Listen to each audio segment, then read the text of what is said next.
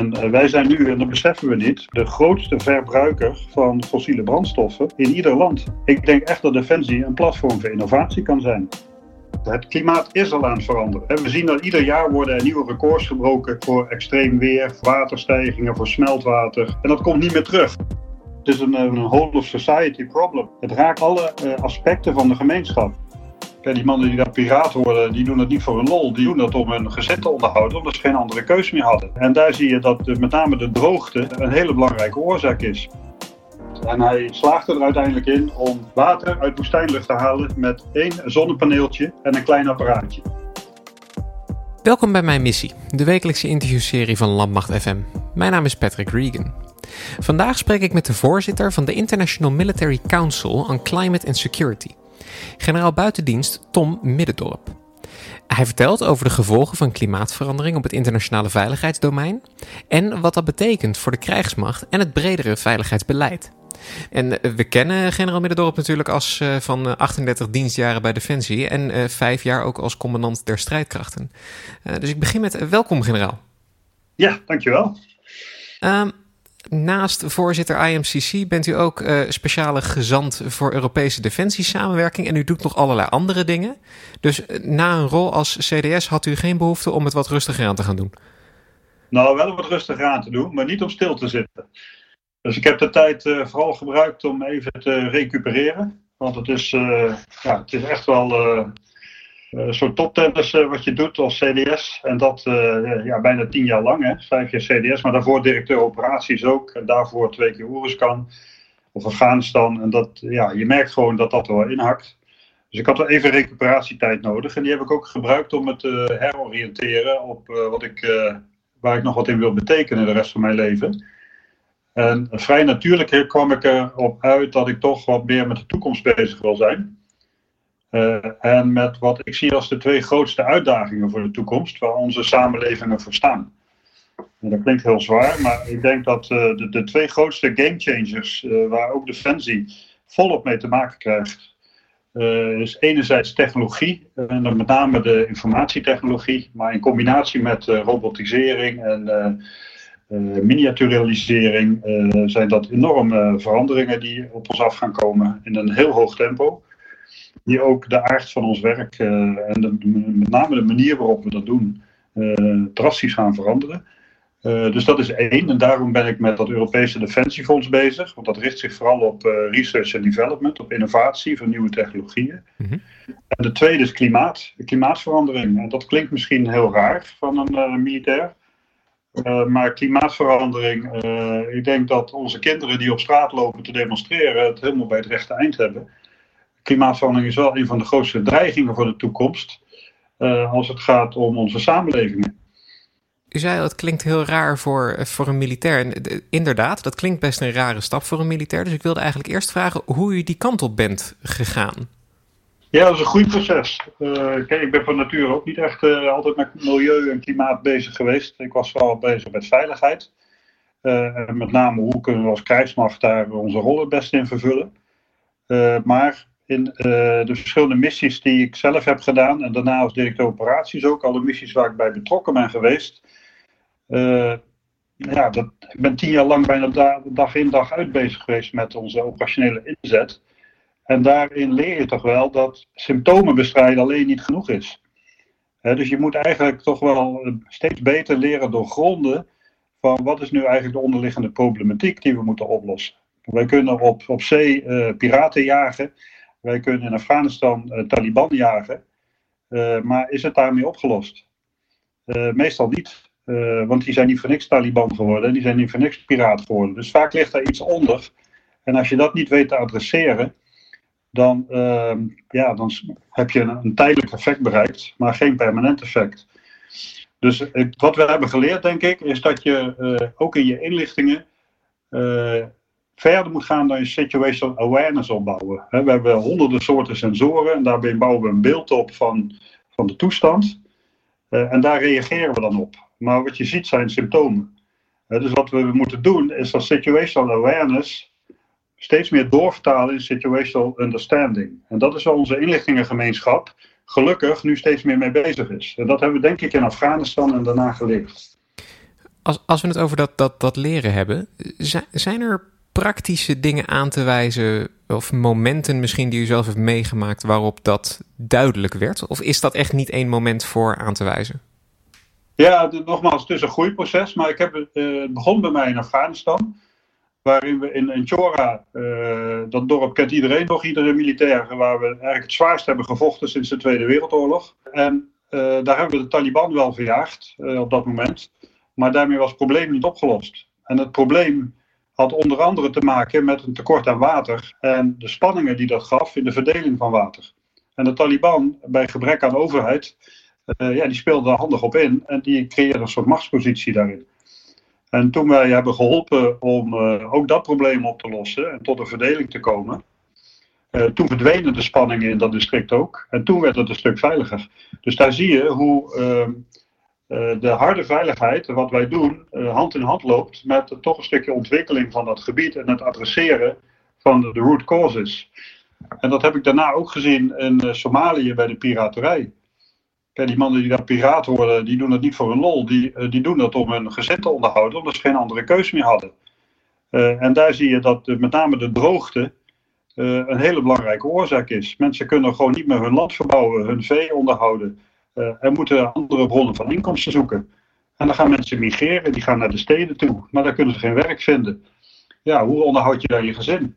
En dan liggen keuzes voor georganiseerde criminaliteit of voor extremisme, piraterij, die liggen dan heel, die drempel wordt steeds lager. Die liggen heel erg voor de hand. dus ook daar moet je verder kijken dan alleen maar de symptoombestrijding. Uh, en dat hebben we in Mali ook gezien. In Mali, uh, de, de impact van onze aanwezigheid was natuurlijk het bestrijden van terrorisme in, samen met de VN. maar wat ik ook zag is dat wat de VN doet, die bouwt daar enorm grote kampen. En in die kampen boren we allemaal gaten in de grond om water uit de grond te trekken. Met als gevolg dat alle putten in de omgeving en de dorpen in de omgeving droog staan. dus daardoor, puur onze aanwezigheid al, hebben wij een negatieve impact op eh, de omgeving, terwijl je een positieve impact wil hebben. En dat geldt ook voor brandstof. Hè. Wij zijn de grootste brandstofverbruiker in zo'n gebied.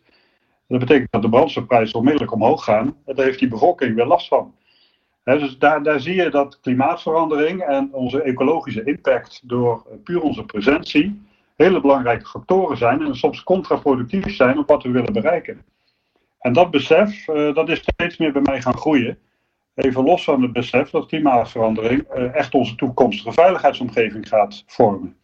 Want als we dat, dat ietsjes verder uh, uitbouwen. De voorbeelden die u nu heeft genoemd zijn allemaal um, uh, vanuit mijn perspectief uh, plekken waar het warm is. En de eerste dingen die u daar ook in noemt zijn, gaat over water en het gaat over brandstof. Als we het dan echt hebben over die, ja, de, de, de geopolitiek van klimaatverandering. Zijn er nog andere regio's of voorbeelden waar dat, waar dat speelt?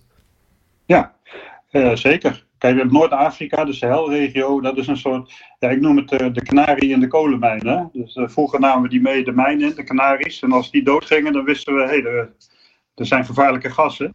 Ja. Uh, en in feite zie je dat in de Sahel nu gebeuren. Het is een soort indicator van wat er ook in andere regio's gaat komen. En in Afrika is dat gedreven door droogte, maar ook door overstromingen trouwens. Mm -hmm. maar in, als je naar Zuidoost-Azië kijkt, dan zie je daar uh, drinkwatertekorten en ook het risico voor overstromingen enorm toenemen. De gletsjers daar uit de Himalaya, die uh, honderden miljoenen mensen van drinkwater voorzien, die zijn aan het krimpen, die zijn aan het uitdrogen. Dan moet je je voorstellen wat voor een impact dat gaat hebben in, in nou, bijna miljarden die in die regio wonen. daarnaast wonen daar ook honderden miljoenen in, in deltagebieden. Uh, en als je dat weer afspiegelt tegen de zeespiegelstijging, dan kan je ook al voorstellen wat voor een mega impact dat in die regio's gaat hebben. Dus wat gaat er met die mensenmassa's gebeuren? Waar moeten ze naartoe? Uh, en dat gaat allerlei spanningen geven. En die spanningen leiden tot conflicten, dat laat de geschiedenis wel zien. Een andere regio is het Poolgebied, waar de hele Arctische uh, kap aan het wegsmelten is. wat dus helemaal zich opent voor een nieuwe machtsstrijd over grondstoffen. Uh, en daarnaast hebben we nog gewoon de hele extreme weersomstandigheden. Uh, we hebben pas nog uh, hulp verleend in Sint Maarten bij de hurricanes, waar een half eiland is weggevaagd. en die hurricanes worden, komen alleen maar vaker en intensiever. Dus ook rampenbestrijding zal aan belang gaan winnen. en dat doen we nu nog een beetje case by case, improviserend. maar op een gegeven moment zal je ook daar wat professioneler mee moeten omgaan. Nog even los van Nederland, hè. wij zijn ook een delta-land. Dus ook voor ons is de zeespiegelstijging enorm relevant. Maar wij hebben dan de luxe dat we ons daar een beetje op kunnen voorbereiden met een delta-commissaris die de dijken verhoogt. Maar als die zeespiegel wat verder stijgt, dan uh, ja, die landen om ons heen kunnen die daar meegaan. Dat is nog even de vraag. Ja, overstromingen kunnen ook door de rivieren komen, zoals we eerder hebben gemerkt. Dus ook in Nederland moet je met dit soort scenario's wel bezighouden als ik nu in mijn hoofd een, een, een, Ik heb een soort wereldkaart voor me. Daar teken ik nu telkens als u een regio noemt, teken ik een stukje in. Maar de hele wereldkaart is nu wel zo'n beetje ingetekend in mijn hoofd. Dit speelt echt overal ter wereld eigenlijk. Juist, ja. En kijk, klimaat kent geen grenzen. dus klimaat stoort zich niet aan landsgrenzen. Klimaat uh, dat verandert over de hele wereld heen, heeft ook wereldwijd een impact. En je kan klimaatverandering is ook niet een probleem op zich. Hè. Je moet het in samenhang zien met twee andere belangrijke ontwikkelingen. En één daarvan is de bevolkingsgroei in de wereld. we zijn nu al gegroeid naar 6,5 miljard mensen. En de verwachtingen zijn dat dat deze eeuw gaat groeien naar de 11 miljard mensen. Dus dat is bijna een verdubbeling van wat we nu al hebben. Dat is gewoon mega. En als je dat afspiegelt tegen de tweede trend, en dat zijn de hulpbronnen, die eigenlijk steeds schaarser worden. We hebben steeds meer tekorten aan water, aan voedsel, aan fossiele brandstoffen, aan allerlei soorten mineralen. Eh, dus als je die twee tegen elkaar gaat afzetten, dan zie je voor wat voor een enorme uitdaging wij staan deze eeuw om onze mensen uh, de, de, uh, het welzijn te bieden wat we ze graag willen bieden. en dat gaat dus leiden tot grote spanningen. En daar maak ik me gewoon ernstig zorgen over. Dus ik vind het heel erg belangrijk dat wij gaan kijken hoe kunnen wij die, die spanningen zoveel mogelijk beperken, dat de impact niet te groot gaat worden. Want je ziet nu al dat grote gebieden, grote delen van de wereld onbewoonbaar dreigen te worden. En dat mensen dus worden weggedreven uit hun, uh, hun homelands. Hè? Niet omdat ze het graag willen, maar omdat ze geen keuze hebben. Dus daar gaan grote migratiestromen. Er zijn al migratiestromen van honderden miljoenen voorspeld. Nou, ja, denk maar eens na. Hè. We hebben een paar jaar geleden in Europa hadden we al heel veel paniek over uh, enkele miljoenen migranten. Als dat honderden miljoenen gaan worden, kan je je wel voorstellen wat er dan gebeurt. We zijn nu eh, eigenlijk heel snel, heel diep de materie ingedoken. Um, Een klein beetje uh, uitzoomend.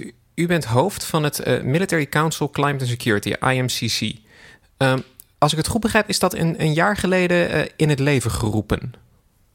ja, dat klopt. Ja, want ik, ja, ik ben niet de enige bezorgde generaal. er zijn er heel veel.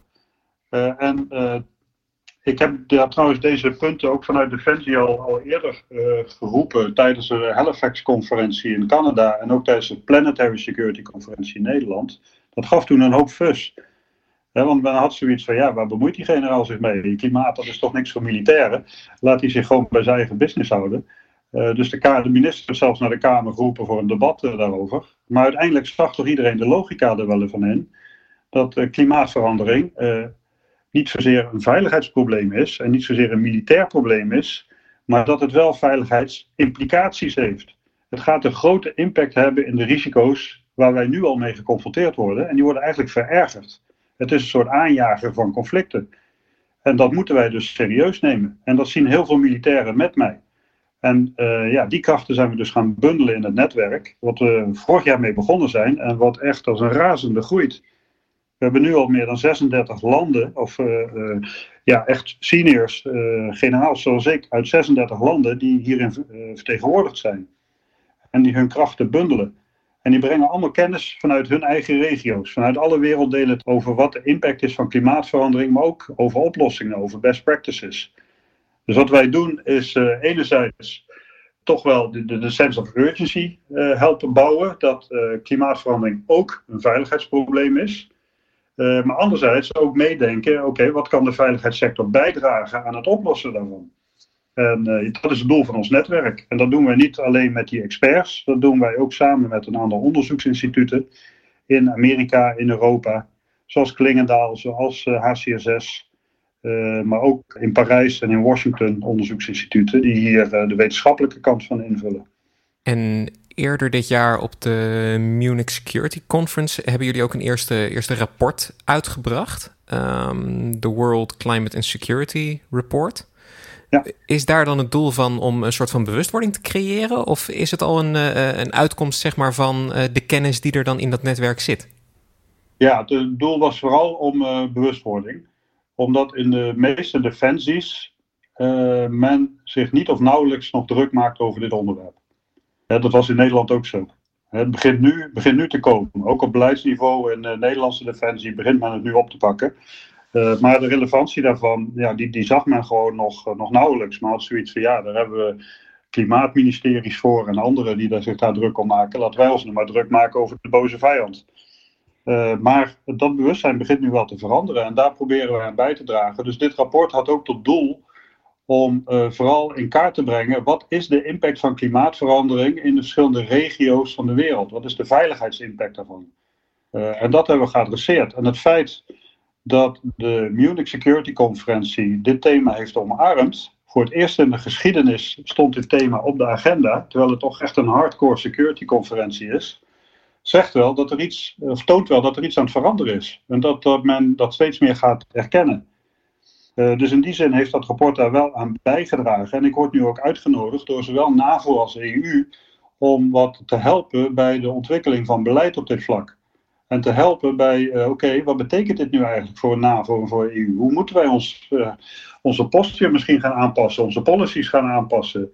als je daar je beleid maakt voor Afrika, ja, probeer dan dat beleid zodanig in te richten dat dat beleid helpt om die oorzaken van conflicten uh, aan de voorkant aan te pakken. je kan conflicten beter voorkomen dan ze bestrijden. Uh, en wij zijn degene die de prijs betalen als je ze moet bestrijden. Ik geloof heilig in de inspanningen van het voorkomen. Ik vind het wel boeiend dat u de, de, de NAVO daar noemt. Want uh, ja, de Europese Unie begrijp ik. Die is uh, vrij, uh, ik wil niet zeggen Afrika gericht, maar die zit vooral meer op stabiliseren. De NAVO is de, de afgelopen jaren juist een weg ingeslagen waarbij het zich meer bezighoudt met een onrustige Rusland aan een oostgrens.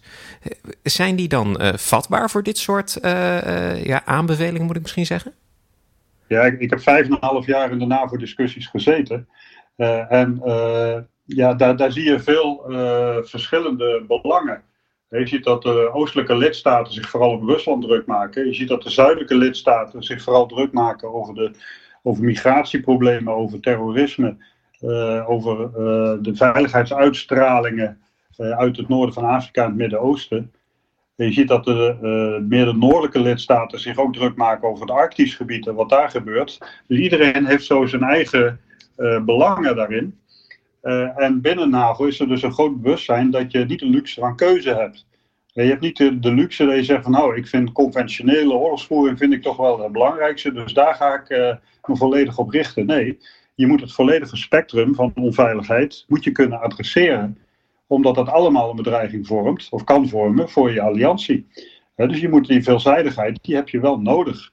En ook binnen het NAVO begint men nu te erkennen dat klimaatverandering een belangrijke aanjager daarvan is. En dat je dat dus moet gaan meenemen in je beleidsontwikkeling. Dat je ook jouw policies wat meer climate-proof uh, moet maken.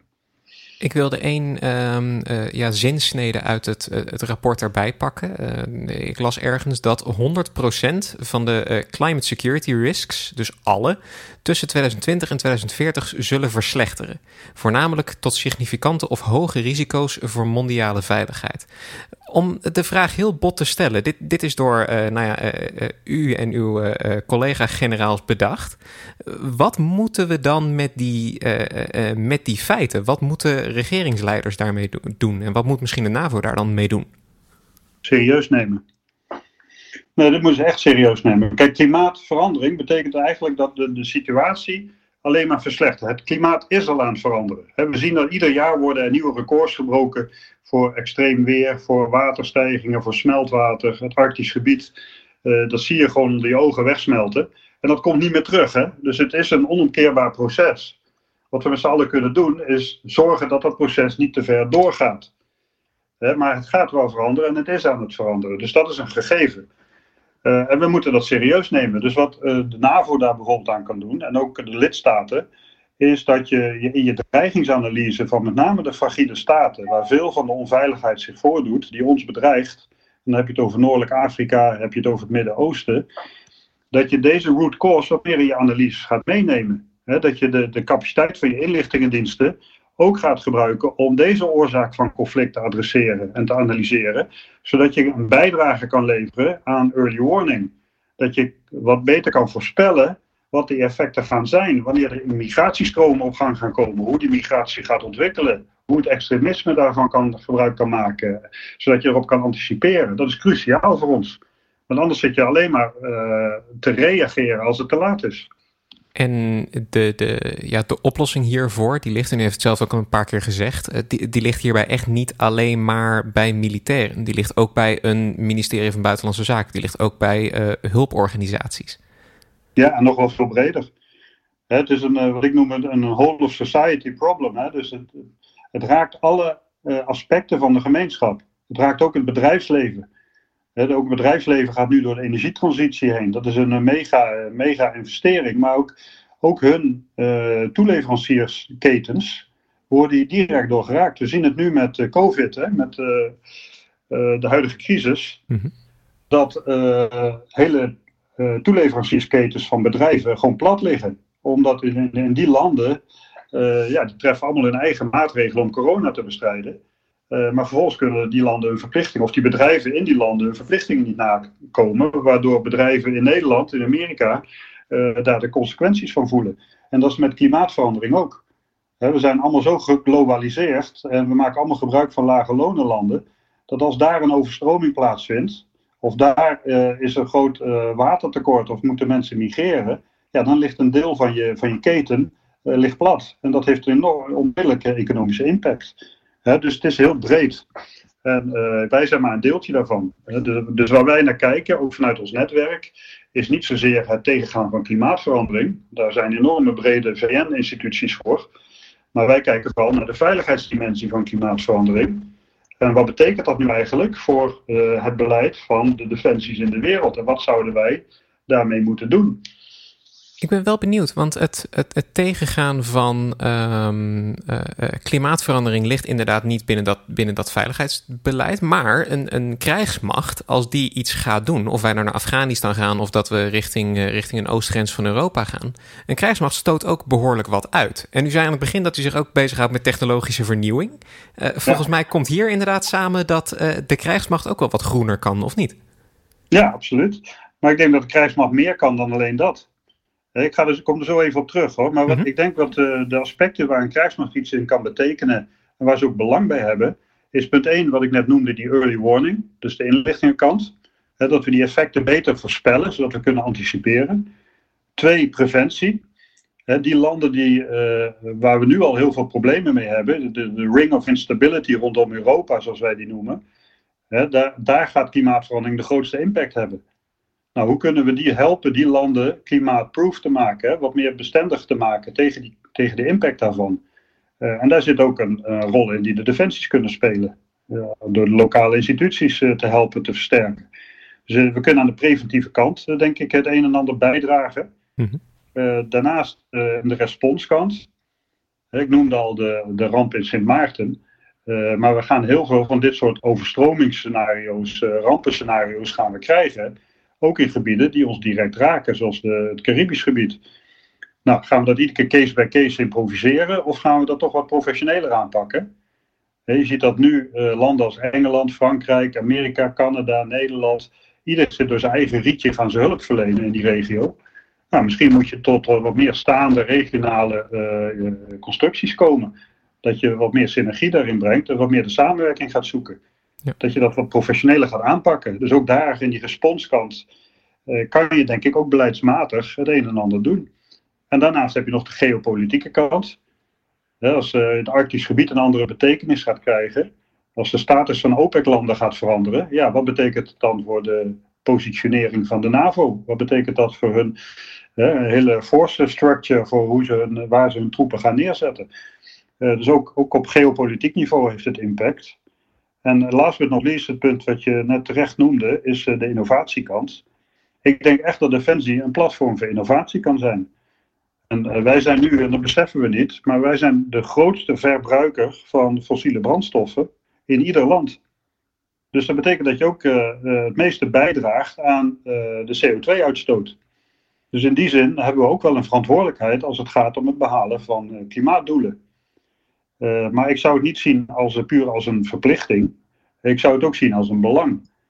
Op het moment dat je met groene technologieën jouw uitstoot kan verminderen, dan verminder je niet alleen je uitstoot, maar je vermindert ook je logistieke afhankelijkheid. Dus als je bijvoorbeeld een compound die wij bouwen over de hele wereld, als je die meer zelfvoorzienend kan maken in energie en in water, dan hoef je dat niet aan te voeren. En de grootste kostendrijver van iedere militaire missie op dit moment is logistiek. Je moet over hele lange lijnen grote hoeveelheden logistiek dagelijks aanvoeren. Nou, als je dat kan reduceren, dan reduceer je kosten, je reduceert kwetsbaarheid, maar je reduceert ook de ecologische impact op de omgeving waar we het eerder over hadden. Uh, dus en daarmee maak je capaciteit vrij om meer aan de operationele kant je, je veiligheid te kunnen brengen. dus het vergroot je effectiviteit. Dus in die zin groene technologie is niet een soort milieuhobbyisme. Nee, groene technologie is ook een kans voor Defensie om haar effectiviteit te vergroten, uh, met name in de missiegebieden. Ik, ik vind het ook boeiend om te horen dat u um, misschien, ik, nee, niet eens misschien. Ik denk dat dat komt door uw eigen achtergrond. U bent zelf CDS geweest. U bent uh, uh, op bepaalde momenten verantwoordelijk geweest uh, voor, wat zal het zijn, twintig operaties tegelijk misschien wel. Dan lijkt het me dat ehm, iemand die van de zijlijn roept: ja, we moeten ons bezighouden met vergroening, we moeten uh, beter zijn voor het klimaat. dat zal enigszins aan dovenmansoren gericht zijn. Maar de manier waarop u het nu vertelt, het heeft voor een krijgsmacht ook een voordeel en het kan ook voor je operaties een positief effect hebben.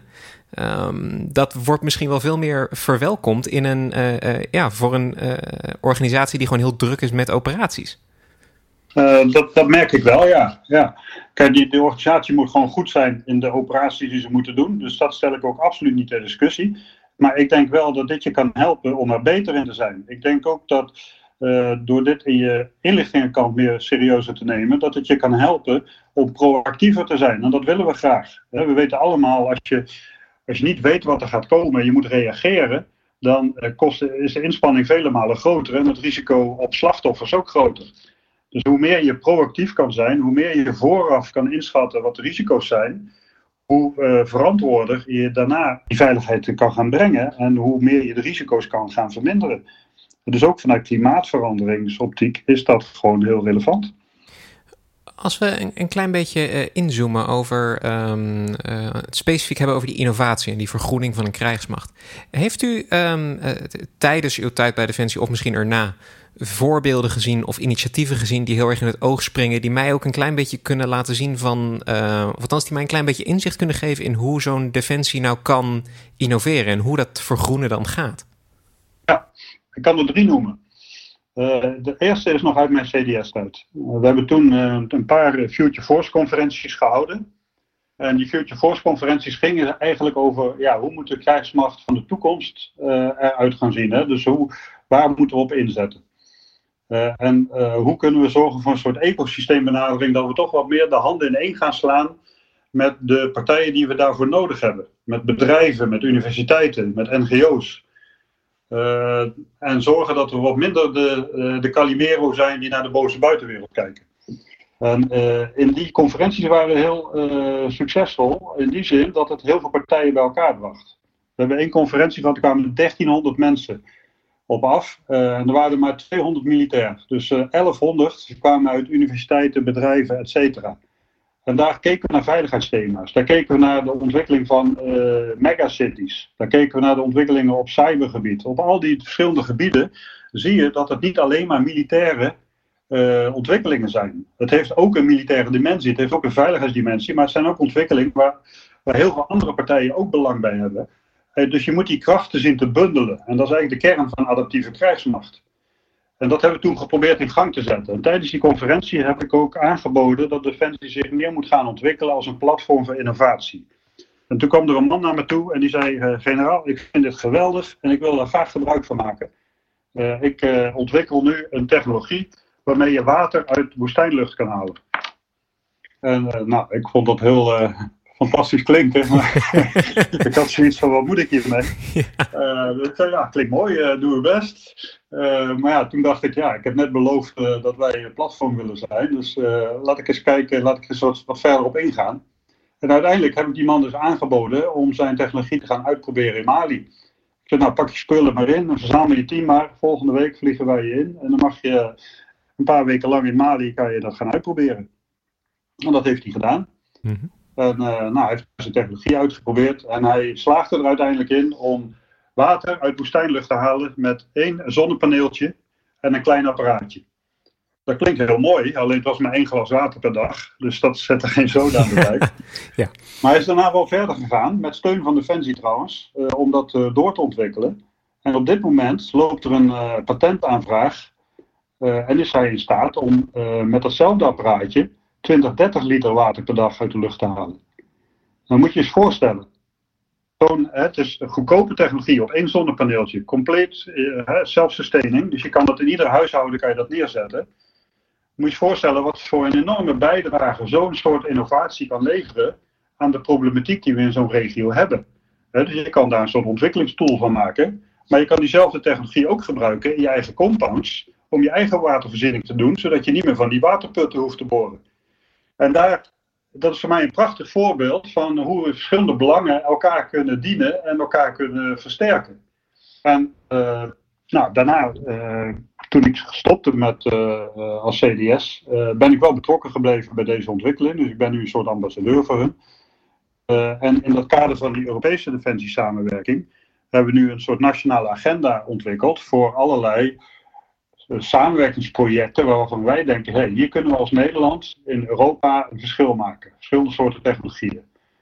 En ook daar kan je dus dit soort klimaatdoelen inbouwen. Als we praten over een schip van de toekomst, voor de marine. We hebben grote scheepsbouw in Nederland. Nou, als we die schip nou, dat, dat schip nou eens een alternatieve energievoorziening kunnen geven. zodat hij niet meer risico hoeft te, te, bunkeren overal waar hij aankomt. En dat hij meer zelfsustaining wordt. Dan zou dat ook operationeel een enorme sprong voorwaarts zijn. Nou, laten we als Nederland nou eens kijken of we daar mee de toon kunnen zetten. dus ook op die manier kan je dus in, in hele operationele capaciteiten. kan je dit soort doelen meenemen in de ontwikkeling. Uh, dat helpt het bedrijfsleven ook, want die kunnen de technologie die ze daarin ontwikkelen ook veel breder op de markt vervolgens weer kwijt. dus je, je kan hier heel makkelijk de krachten in bundelen. En datzelfde doe ik ook weer, weer een ander project waar ik bij betrokken ben, waarin we kijken van kunnen wij niet een toekomstige compound uh, helemaal self-supporting maken als het gaat om energievoorziening.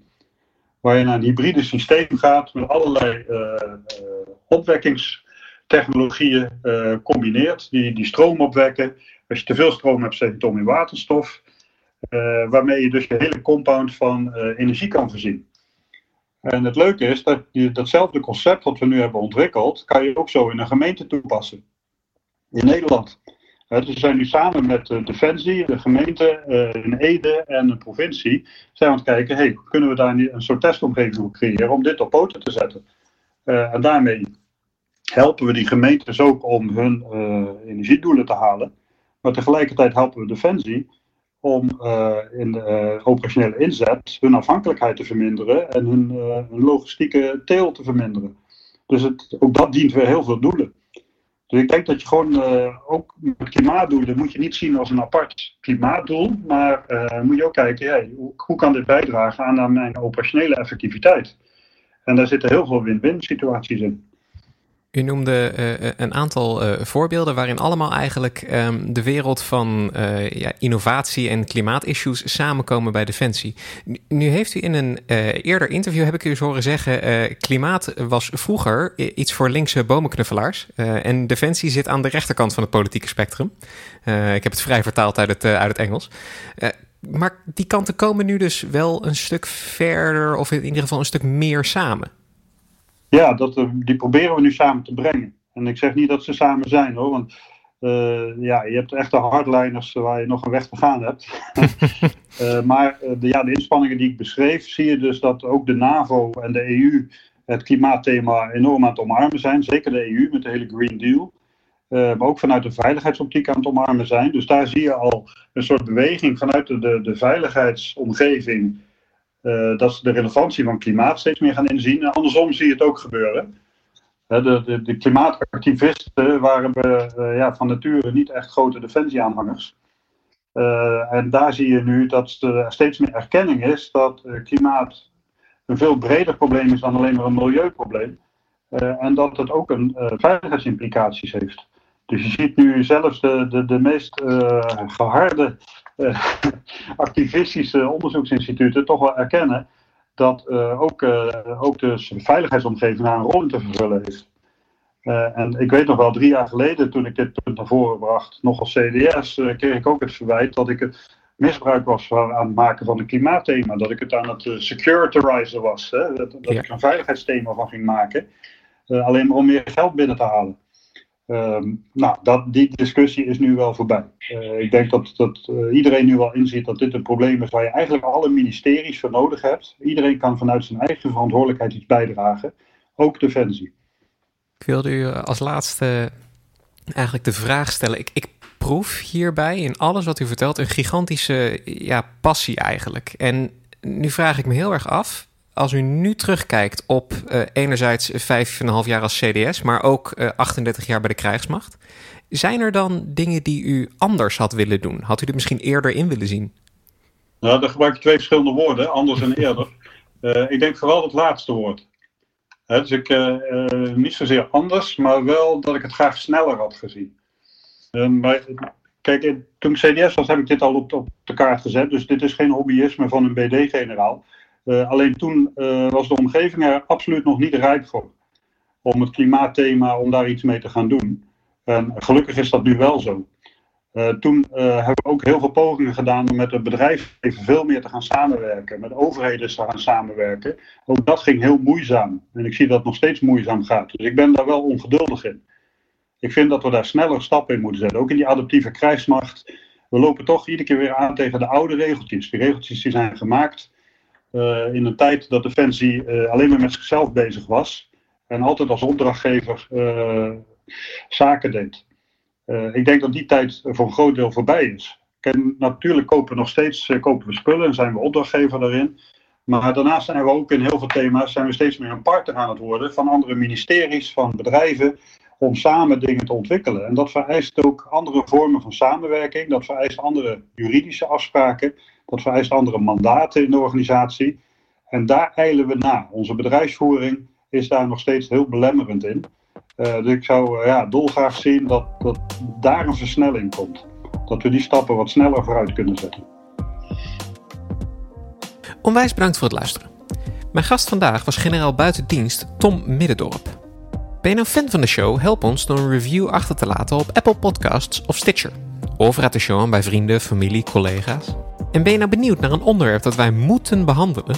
Tweet dan met de hashtag Mijn Missie of stuur ons een bericht op Facebook of Instagram. Mijn missie is een productie van de Koninklijke Landmacht. Nieuwe afleveringen komen iedere maandagochtend online en je vindt ze in de meeste podcastspelers. Gewoon zoeken op Mijn Missie. Abonneer je en mis geen enkele aflevering. Je volgt Koninklijke Landmacht via Twitter, Instagram, Facebook en YouTube en check defensie.nl voor het laatste nieuws rondom de krijgsmacht. Nogmaals, onwijs bedankt voor het luisteren en tot volgende week.